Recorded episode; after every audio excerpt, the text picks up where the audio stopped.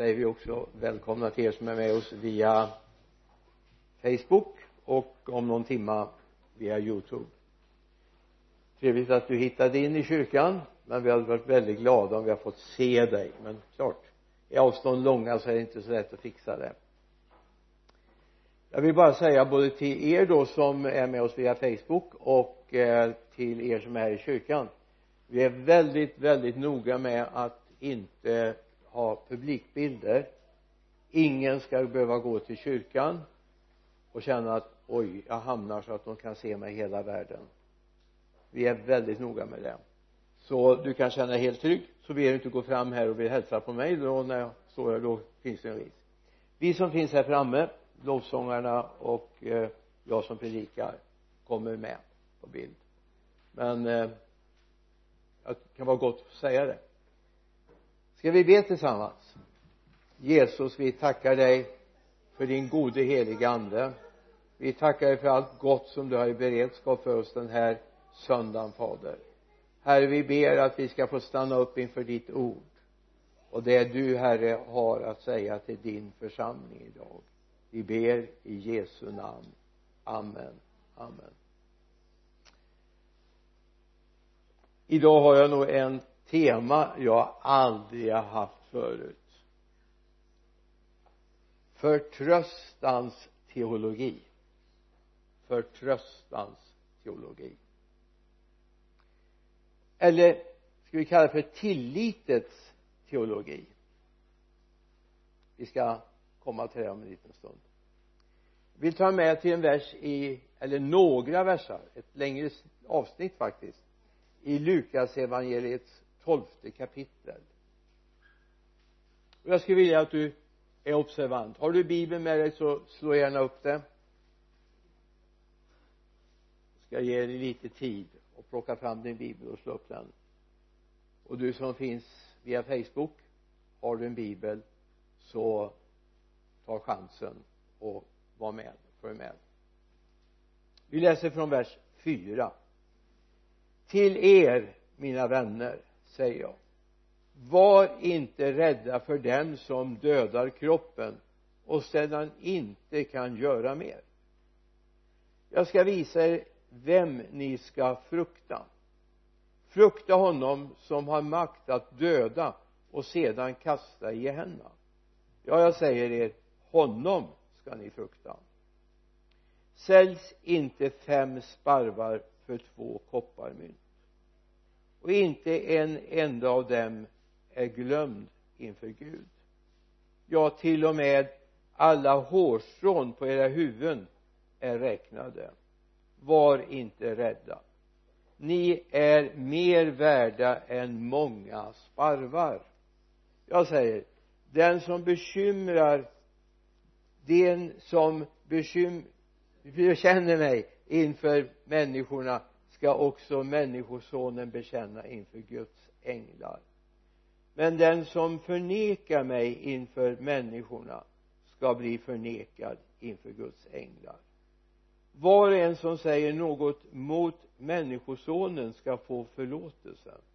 Men den som hädar den helige ande kommer inte att få förlåtelse.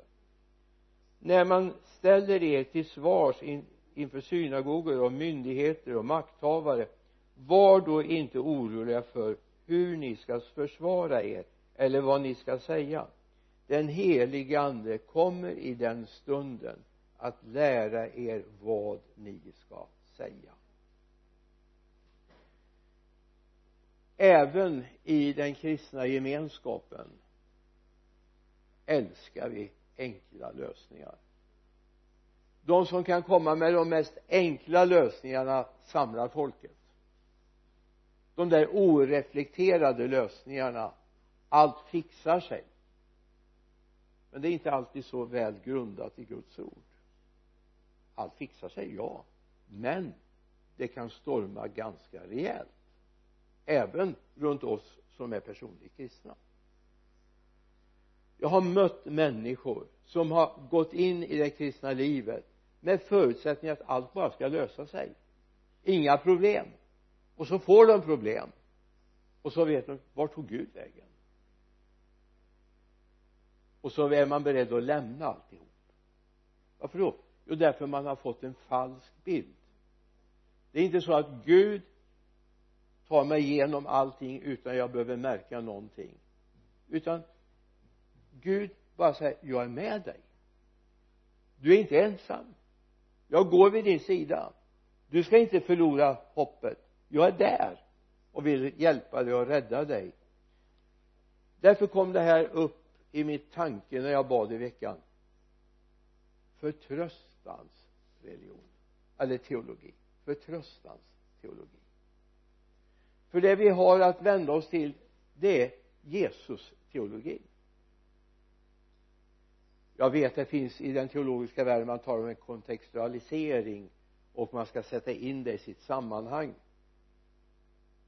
Men får vi inte med Jesus då missar vi alltihop. Tappar vi bort honom i fokus då tappar vi allt sammans. Det är Jesus teologi det handlar om. Utan Jesus så är det kört. Vi lyckas inte med något om vi tappar bort honom det finns framgångsteologi som är osund. Och det skapar många problem. Det säger mer än vad bibeln säger. Det lovar mer än vad bibeln lovar. Vad bibeln lovar det är att jag är med dig i allt. I andra Timoteusbrevet varnar Paulus för det här. I det fjärde kapitlet verserna 3 till 5 det ska komma en tid då människorna inte längre står ut med den sunda läran utan man samlar åt sig mängder av lärare efter sina egna begär så som det kliar dem det kliar i deras öron att höra. De vänder sig vägrar att lyssna till sanningen och vänder sig till myter. Men var du sund och förnuftig på alla sätt. Bär ditt lidande utför en evangelist gärning och fullgör din tjänst. Alltså det finns människor som vill samla lärare eller läror som passar deras tankebanor som ska vara enkla. Men det är inte bibelns säger håll fast vid den sunda läran säger Paulus till Timoteus. Var rädd om den. Eller vi går till Efesierbrevet där också Paulus är inne på den här tanken. I det fjärde kapitlet och där talar han om att få den sunda läran ja det är de som är mogna i tron. De som är mognat de får den sunda läran och förstår. Vi går till vers 13 i det fjärde kapitlet. Tills vi alla når fram till enheten i tron och i kunskapen om Guds son som en fullvuxen man med ett mått av mognad som motsvarar Kristi fullhet då är ni inte längre barn som kastas hit och dit och, och dras med i varje vindkast i läran när människorna spelar sitt falska spel och listigt förleder till villfarelse. Nej vi ska hålla fast vid sanningen och i kärlek och på allt sätt växa till, upp till honom som är huvudet Kristus. Att få en full mogen tro på Gud. Låt mig bara påminna dig om någonting som kan vara viktigt att med oss. När Jesus berättar liknelsen om de två byggnadsherrarna de byggde var sitt hus. Den ena ställde det på klippan den som lyssnade och tog vara på det ordet sa. Och det huset stod pall även när vindarna kastades emot det och vågorna kom men så var det en som byggde sitt hus på sanden. Det var den som visserligen hörde ordet men inte gjorde efter det. Det huset föll omkull. Men lägg märke till det är samma prövningar som möter båda husen. Om vi säger så här huset som står på den stabila grunden det är de som har tagit in Jesus i hjärtat och som följer Jesus. Och de som inte har tagit in Jesus i sitt hjärta när samma prövningar kommer så faller de som inte har Jesus i hjärtat medan de som står stadigt och även när det prövas. Så lägg märke till även om ditt liv prövas så betyder det inte att du inte har en god grund i Jesus. Den här världen är full av prövningar. Det är mycket som står emot mycket som vill göra problem för oss men det är viktigt att komma ihåg det är inte så att om det börjar storma runt mitt liv vågorna börjar slå mot det det är inte ett tecken på att du inte är frälst att du inte är Guds barn. Utan det är bara ett tecken på att det är väldigt viktigt att vara grundad i Jesus. Han är med trots prövningarna så står du pall. Inte på grund av att du är duktig utan på grund av att du har släppt in Jesus i hjärtat. Det är viktigt att ha med oss. Det här är förtröstans teologi. Jag tar med honom under alla livets prövningar. Jag har inte bara Jesus i hjärtat när det är solsken och vinden i ryggen och alla tycker bra om mig. Utan jag har Jesus i hjärtat även när det stormar. Även när det är prövningar. Jag kanske blir uppsagd från jobbet jag kanske går igenom personliga kriser. Det här är inte ett tecken på att inte Gud är med. Utan resultatet visar sig när du står kvar i din tro. Vi skulle kunna gå igenom många av bibelns gestalter och se att klippan höll även när det var tufft. Om du vill ha den här liknelsen notera var jag läste var jag tog den ifrån så är det Matteus 7, 24 till 27 om de här husbyggarna. Kom ihåg. Om du vill att ditt liv ska stå stadigt även efter kriser, sjukdom, motstånd arbetslöshet eller vad det kan vara så är det viktigt att du är väl grundad vi ska ha en förtröstans teologi och förtröstan ska vara riktad på Jesus. Inte på vänner. Det är bra med vänner. Men det är att vi är förankrade i Jesus. Men vänner, goda vänner kan till och med ge dumma råd. Det gör aldrig Gud. Han ger aldrig dumma råd. Alltså jag säger inte att alla dina vänner ger dumma råd men människor kan inte alltid förstå alla parametrar som du upplever. Absolut inte men Gud. Han är med dig och förstår dig. Och det viktiga vi ser är att Gud har omsorg om oss. Vi lever i en tid som överöses av det man kallar för olika teologier. Idag är det väldigt vanligt och alla hyllar eh, för det första fredsteologin. Den är viktig. Jag ska eller kommentera den lite grann vi har klimatteologi. Det är en väldigt inne idag. Alla som vill vara lite inne ska tala om klimatet. Och jag har bara lärt mig en sak jag ska tala om Gud. Han är ansvarig för klimatet så det är viktigt att tala om honom. Vi har feministteologin till och med framgångsteologin. Lägg märke till att alla de där teologierna sätter fokus på oss sätter fokus på oss människor. Medan förtröstans teologi sätter fokus på honom. Ha fötterna på klippan Kristus. Så det är viktigt att vi lär oss i den här tiden med en mängd utbud av teologier. Det är som ett smörgåsbord idag. Eh, jag satt och läste lite grann igår kväll om de här olika teologierna. Men vem vill inte ha fred? Vår Jesus är ju fredsfursten, eller hur? Visst vill vi ha det? Men det handlar framförallt om att ha fred med Gud. För det, jag menar ingen av oss jag menar hoppas inte jag gör dig besviken nu men ingen av er kommer att leva till ni blir 200 år eller 300 år eller 400 år. Den tiden är förbi nu. 70-80 år om livet blir långt. Och nu vet vi att en del knallar över hundraårsstrecket till och med. Och det är ju fantastiskt. Det är helt fantastiskt. Men eh, 200-300 år det blir man näppeligen. Då är det väldigt bra att jag har någonting, en relation dit jag ska sen. Eller hur? Vi lever ju ändå som evighetsvarelser. Och det är där Jesus kommer in. Jag ska lära er vad ni ska frukta. Okej okay, de kan döda ditt liv, ditt fysiska liv. Och vi har mängder av syskon som har drabbats av det de sista årtiondena. Mängder av syskon. Kanske jag har varit med om det mest hemska i världshistorien.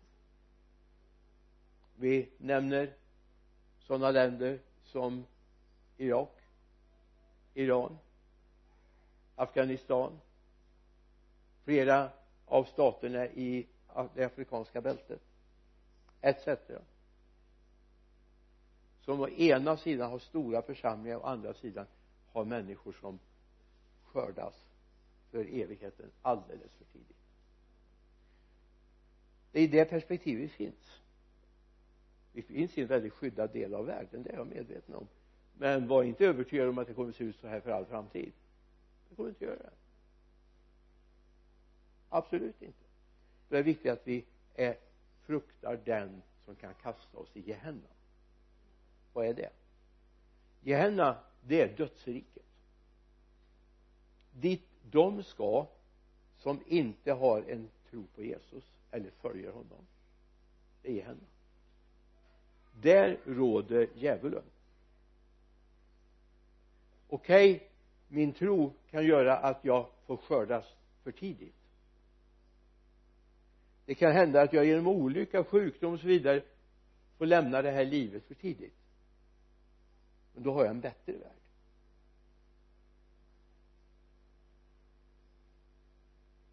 Vad är det man säger i frälsningsarmén? Man säger inte att man har dött utan man har ja nu till härligheten och det tror vi på, eller hur? Så det är viktigt att komma ihåg vi lever med förtröstans teologi. Och förtröstan det är Jesus. Det är honom vi förtröstar på. Alla de här andra teologierna det är ungefär som att ha en båt som man ska surra fast när det stormar. Och så knyter man fast den eller binder fast den vid en rutten brygga. Den sliter loss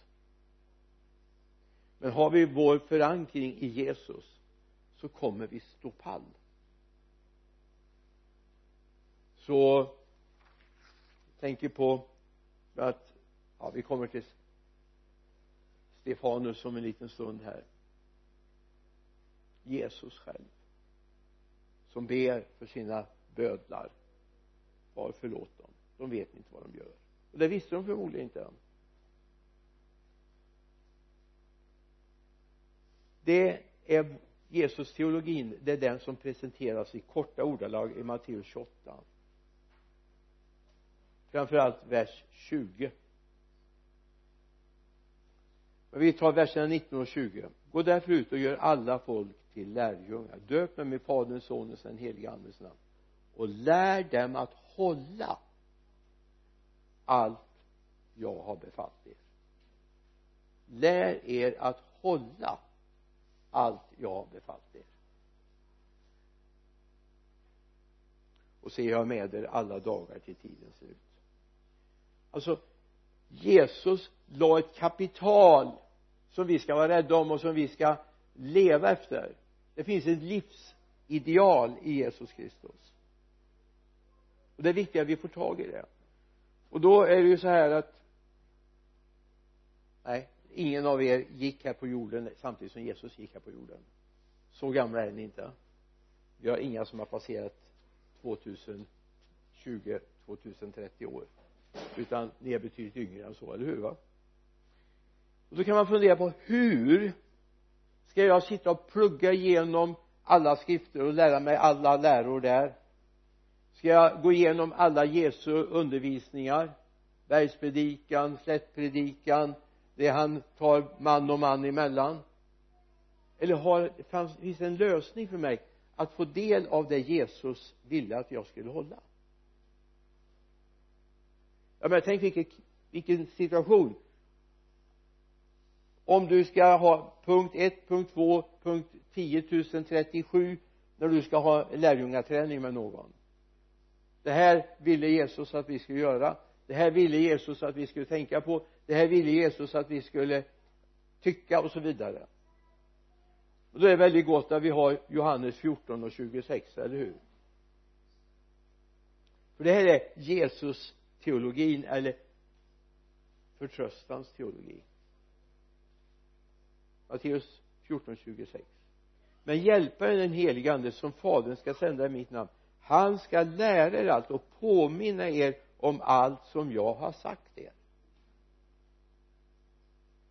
du det gäller också oss som inte var närvarande när Jesus gick här på jorden. Vi var inte påtänkta då en gång. Inte dina föräldrar heller. Nej. Han har gett oss hjälpare för att vi ska förstå vad Jesus ville med våra liv så det att sätta en parentes runt den heliga ande och tänka att ja den är inte så viktig för mig. Det är väldigt dumt. Vad ska vara väldigt krasst. Det är väldigt dumt. Därför det är i princip att jag vill inte veta vad Jesus ville att jag skulle förstå. Vet den helige ande har inte bara med de här yttre attributen att göra med nådegåvorna med andliga tjänsterna och så vidare utan det har framför allt han vill att vi ska få veta vad han ville med våra liv. Visst är det häftigt? Det här är Jesus teologin. Han ville att vi skulle veta hur vi skulle leva våra liv. Jag tycker det är jättehäftigt och jag är väldigt tacksam för det. Tänk att få komma in i en förtröstan. Den här tiden och tillvaron vi lever nu med miljöförstöringar. Smältande ismassor både i Arktis och Antarktis. Höja, höjda mm, temperaturer. Länder som kommer att ligga under vatten. Vad är det man lever i? Jo man lever i ångest idag fruktansvärd ångest. Klimatångest. Och jag säger inte att vi ska, vi ska inte förneka klimatpåverkan? Absolut inte. Men när det här börjar kastas emot våra liv då är det viktigt att vi står stadigt. Jag vet på vem jag tror. I eh, Lukas 21 läser vi Jesus säger tecken ska visa sig i solen. Vers 25 svarar kanske inte tecken ska visa sig i solen och månen och stjärnorna och på jorden ska folken gripas av ångest och stå rådlösa vid havets och vågornas dån. Människorna ska tappa andan av skräck i väntan på det som ska drabba världen för himmelens makter ska skaka. Då ska man se människosonen komma i ett moln med stor makt och härlighet.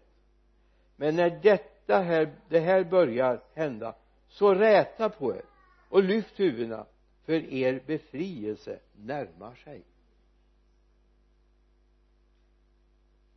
Alltså man kan å ena sidan tänka som människorna gör i vår tid. Loppet är kört. Kommer den här världen att bestå? Kan våra barn, barnbarn och barnbarnsbarn har de någon jord att gå på? Ärligt talat det här är inte min största fråga. Min största fråga är kommer de med till himlen? Kommer de med till himlen? Ska de få se den nya himlen och den nya jorden där rättfärdighet bor? Är det någonting som kan skapa en oro i mitt inre? Det har jag presenterat honom? Har jag levt ut honom? Så att jag är efterföljansvärd sen är det kanske alltså när jag läste det här på 50 60-talet när jag började läsa bibeln så tänkte jag det här med att havets och vågornas dån. Då tänkte jag ja men det är väl fjärran ifrån.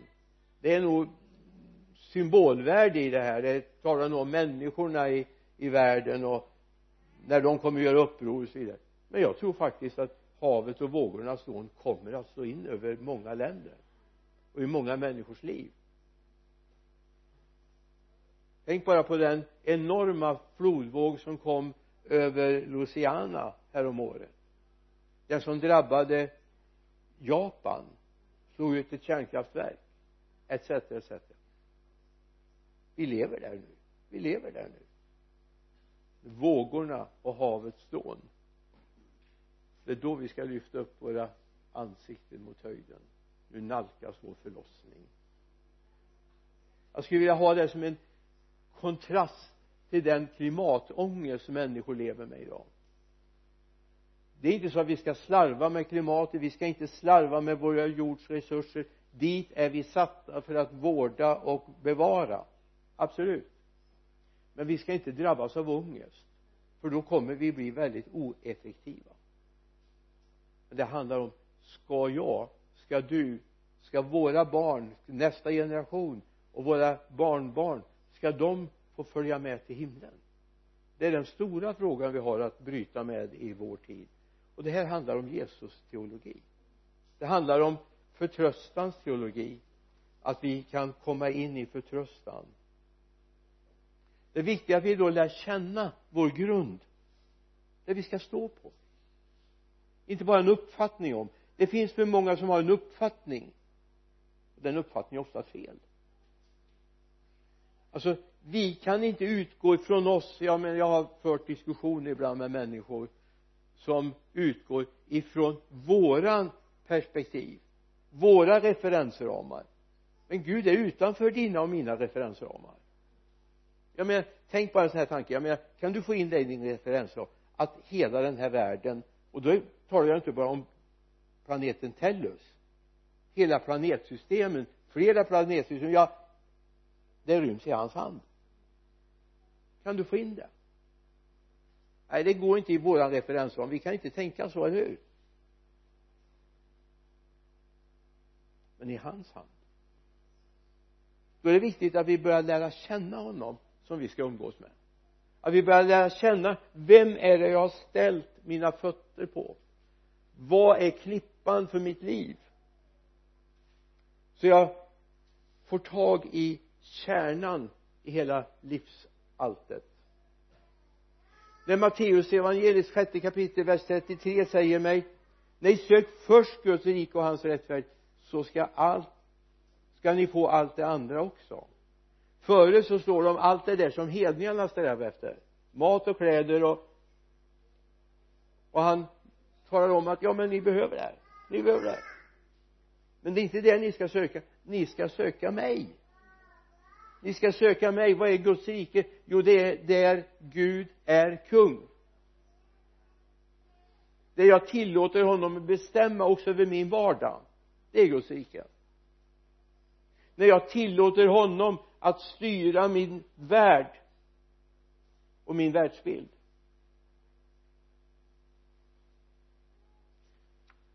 Då är det så tröstefullt att komma till Hebreerbrevet där han citerar psalmisten. Vers, eh, kapitel 13 vers 5 vers 6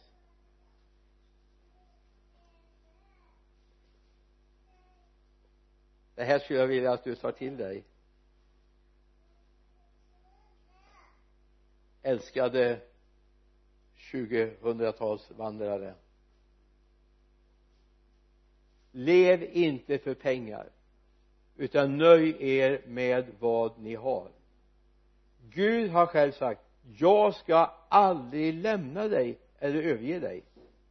Därför kan vi frimodigt säga Herren är min hjälpare. Jag ska inte vara rädd. Vad kan en människa göra mig? Vilket ord ifrån Hebreerbrevets författare. Lev inte för pengar utan nöj er med vad ni har. Gud har själv sagt jag ska aldrig lämna dig eller överge dig. När du ligger där och känner liksom lite oro på kvällen och har svårt att somna och du får inte ihop tillvaron. Tänk jag på citera det här för dig. Va jag ska aldrig lämna dig eller överge dig. Det här är sund sann Jesus teologi. Det är inte en kontextualiserad teologi utan det är en Jesus teologi som gäller oavsett om jag lever i orosvärld och vill ha fredsteologi eller jag lever i feministvärlden och tänker att kvinnor ska få större plats. Ja, för, kan jag bara säga så här inom parentes var väldigt glada för att ni har valt en baptistförsamling. Det första gemenskapen där kvinnor fick rösträtt för innan man fick det i, i samhället för övrigt så fick man det i baptistförsamlingarna. Vi klev bra långt in på 1900-talet innan kvinnor fick rösträtt i Sverige. Sverige har också varit ett u-land en gång i tiden men redan från 1848 49, 50, 1800 så fick kvinnor en, en, ett huvud, en röst. Precis som männen. Männen fick inte dubbel rösträtt alltså det, det är ganska fascinerande egentligen. Det är någonting för feminister det. Få tag i. Och sen var det ju så här också att i jag är påläst på det här nu för jag hade ett studiebesök här i fredags. Så var det också så att för att rösta i allmänna val i Sverige så var man faktiskt tvingad att ha nått en viss nivå i inkomst. Man fick inte vara satt i skuld man fick inte eh, vara arbetslös man fick inte gå på någon form av bidrag då fick man inte rösta i allmänna val.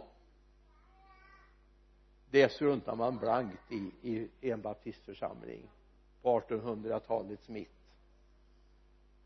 Om du var uteliggare aldrig haft en enda lön eller du var arbetsgivare och hade hundratals som anställda så fick du samma rösträtt. Det här är Jesus teologi. Det är Jesus teologi. Och det ska vi vara rädda om. Det handlar inte om feministteologi utan det handlar om Jesus teologi.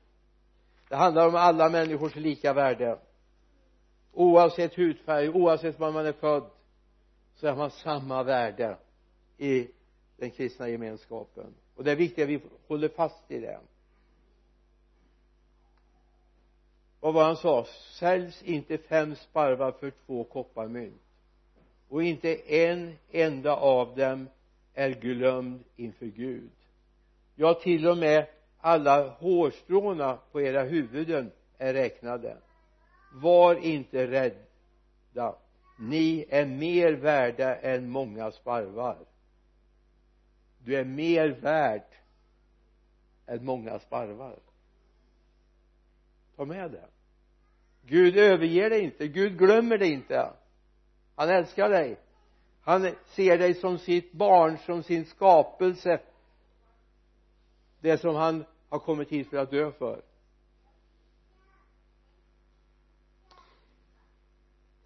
Vet händelser kan förändra mycket av bilden av Gud så var det för mig. Jag vill bara ta det här som ett litet exempel. Det är bra att vara hjälpsam ibland. Jag var nybörjarevangelist. Har alltid varit teknikintresserad. Inte så kunnig men jag har varit intresserad. Jag var uppe i Dalarna utanför Mora som evangelist i en baptistförsamling. Och så var jag och skulle ha friluftsgudstjänst uppe i Venjan. Har ni hört talas om det? Ligger norr om Mora. I mitt inne i landet man åker till där allmän väg tog slut så gjorde man då i alla fall. Där låg det ett litet pingstkapell. Och där eh, hade vi tältmöten. Jag var där och hade tältmöten ett antal gånger. Och så hade de problem med sin ljudanläggning. Det var mycket mycket enkelt sådan och jag tog med den hem och servade den gjorde den i ordning så den funkade nästa kväll. Det det var bara någon sladd som hade lossnat så det var ju väldigt enkelt. Så vi hade den igång nästa kväll. Sen då strax innan jag skulle flytta ifrån Dalarna eh, och till Östergötland så ringer de mig och säger att de ville att jag skulle komma upp en dag. De ville prata med mig. Och jag visste ju inte alls vad de ville prata om om jag hade gjort någonting fel eller vad det var. Då fick jag en bok som tack jag vill bara ta det som alltså hur Gud kan använda situationer. Då fick jag en andaktsbok som Levi Petrus hade skrivit. Levi Petrus som döptes här 1899 i den här dopgraven. Och den heter den som sitter under den högstes beskydd. Den som sitter under högstes beskydd. Det var en ganska tjock bok. Den bygger på psalm 91 i bibeln.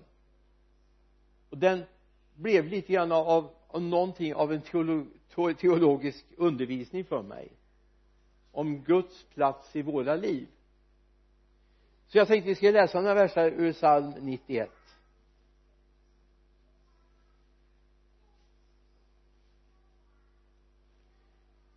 vi börjar med vers 1 den som sitter under den högstes beskydd och vilar under den allsmäktiges skugga.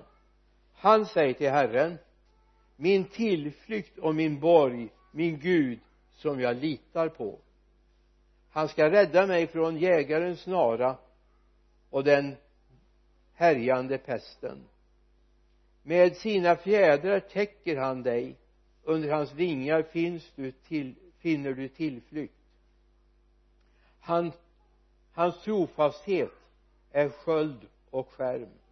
Du ska inte frukta nattens fasor eller pilen som flyger om dagen.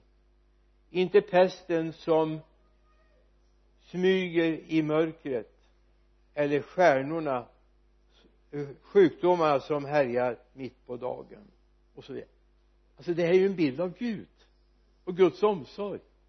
Alltså det här blev någonting av min teologibok under en kort tid. Det är alltså får du tag i den så skulle jag rekommendera att skaffa den. Den är väldigt enkelt upplagd men det är en liten reflektion över varje sats i princip. 365 funderingar finns. En för varje dag under året alla dagar. Gud är min tillflykt. Gud är min tillflykt hos honom finns jag. Han är min borg. Honom jag litar på. Alltså det här blev sån tankeställare för mig. Så jag är oerhört tacksam. Det finns nog ingen kvar i den församlingen om församlingen finns kvar en gång det vet jag inte uppe i Venjan men jag är väldigt tacksam. Jag åkte gärna de där fem sex milen för att få den där boken och tacket för att jag hade varit där och hjälpt dem. Det var inte först och främst mötena utan att jag hade hjälpt dem att få igång ljudanläggningen. Det var det de var tacksamma för. Det tyckte de att de inte kunde betala för. Så då fick jag den här boken och den betyder väldigt mycket för mig. Ibland är det viktigt att vi får sådana här tillfällen där vi får se ett nytt perspektiv av Gud. Får se på ett nytt sätt vem Gud är. Så vi börjar våga umgås med honom. Börjar förstå vikten av att lära känna Gud att ta tid med att umgås med Gud att vi vågar göra det verkligen. Frukta inte det som inte kan kasta dig i händerna. Vi fruktar mycket. Vi är oroliga. Hur gamla ska vi bli? Ska vi överleva det eller det? Ja visst.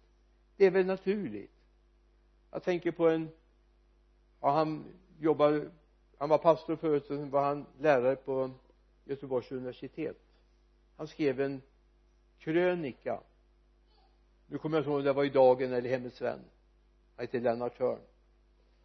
Han undervisade i bland annat filosofi på universitetet. Då skriver han någonting som jag tror kan vara bra för oss som helst.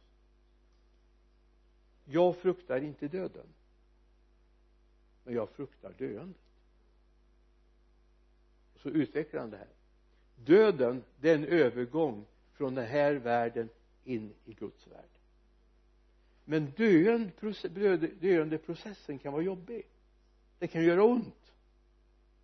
Det kan kännas svårt att lämna nära och kära och så vidare. Och det kan vara svårt för nära och kära att lämna dem som går över gränsen avslutningen av den här texten han skriver som krönika det är vad viktigt att jag är trygg i vart jag kommer när döden kommer och gästar. Vad viktigt det är att jag vet vart jag kommer när döden träffar gästar. Så här säger Jesus i Lukas 12, 4 och 5 till er mina vänner säger jag var inte rädda för dem som dödar kroppen och sedan inte kan göra mer. Jag ska visa er vem ni ska frukta. Frukta honom som har makt att döda och sedan kasta i henne ja jag säger er honom ska ni frukta.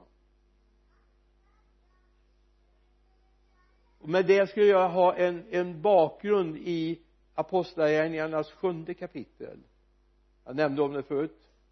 Stefanus. Den första kända martyren i nya testamentet. Den första kända. Vi ska inte vara säkra på att det inte hänt något mer men den första kända som jag nämnde om. Stefanus som var full av helig ande. Och om du läser verserna innan jag tänkte bara ta med vers 59 och 60 när du läser senare delen av sjunde kapitlet ska du se den enorma predikan han håller. Han går igenom gamla testamentets gestalter och talar om om Abraham, talar om Mose och så vidare. Går igenom det här tydligt. Och så blir de bara upprörda. De blir så arga på honom. För de tycker han hädar. Men han har bra grund för det han säger för han, han är informerad av en helig ande han som ska lära och undervisa oss om allt Jesus har sagt va? Det är precis den grunden han har. Och så kommer vi till vers 59 så stenade Stefanus medan han bad och sa herre Jesus ta emot min ande. Sedan föll han ner på knän och ropade med hög röst herre ställ dem inte till svars för denna synd. Med de orden somnade han in och Saulus hade samtyckt till att han dödades. Saulus som sedan blev Paulus. Men tänker du han vet det är klart det här var en smärtsam död. Självklart. Stora stenar kommer fallande över en. Och för en god saks skull. Men så säger ta emot min ande i dina händer han vet vart han ska. Han vet vart han ska. Och det är det vi bör ha med oss. Det här är Jesus teologi eller det här är förtröstans teologi. Även när det gör ont så vet jag att det är någon som finns där som inte har lämnat mig åt sidan sorterat bort mig eller tänkt bort mig utan som har omsorg om mig. Tappa aldrig bort det. Tappa aldrig bort det. det finns en som i de mest smärtsamma stunderna de mest prövande tiderna när man undrar orkar jag längre? Så finns det en där. Glöm inte av honom. Sök honom. Han finns där vid din sida. Du kan ha förtröstan på honom. Han kommer hålla dig i handen ända in i döden om det så behövs.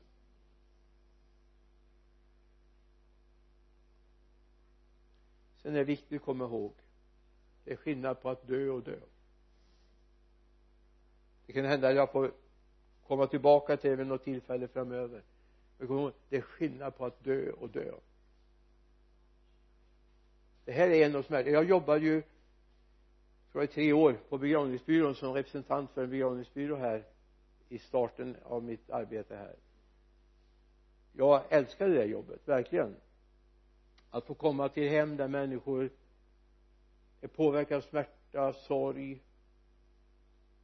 Det var en av mina uppgifter att åka till hemmen, att hämta, köra till till eh, bårhuset.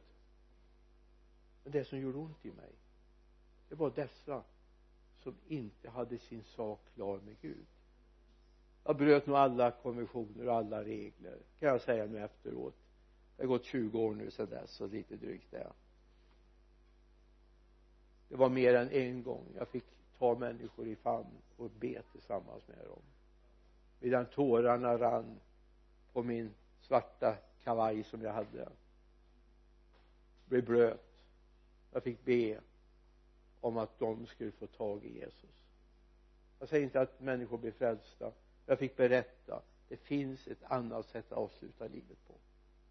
Vi kan inte säga någonting om den som har nu lämnat oss vi vet ingenting. Den sista sekunden kan han ropa på Jesus. Det kan ha varit en sån här rövar på korset situation. Tänk på mig när du kommer till ditt rike. Jag är övertygad om att det är många som i det ögonblicket säger det. Och Gud är så nådig. Han säger inte så här att ja men du har inte varit med mig förut. Du har inte brytt dig om mig förut. Utan han säger välkommen. Men det finns en död. Men jag har också varit i hem och hämtat döda. För att köra till bårhuset. Där de kunde skiljas visst var det en smärta att den som hade slutat sina dagar var inte med dem mer. Men som kände det här vi vet vart han gick. Vi vet vart hon gick. Vi vet att mamma gick hem till Gud. Vi vet att pappa gick hem till Gud.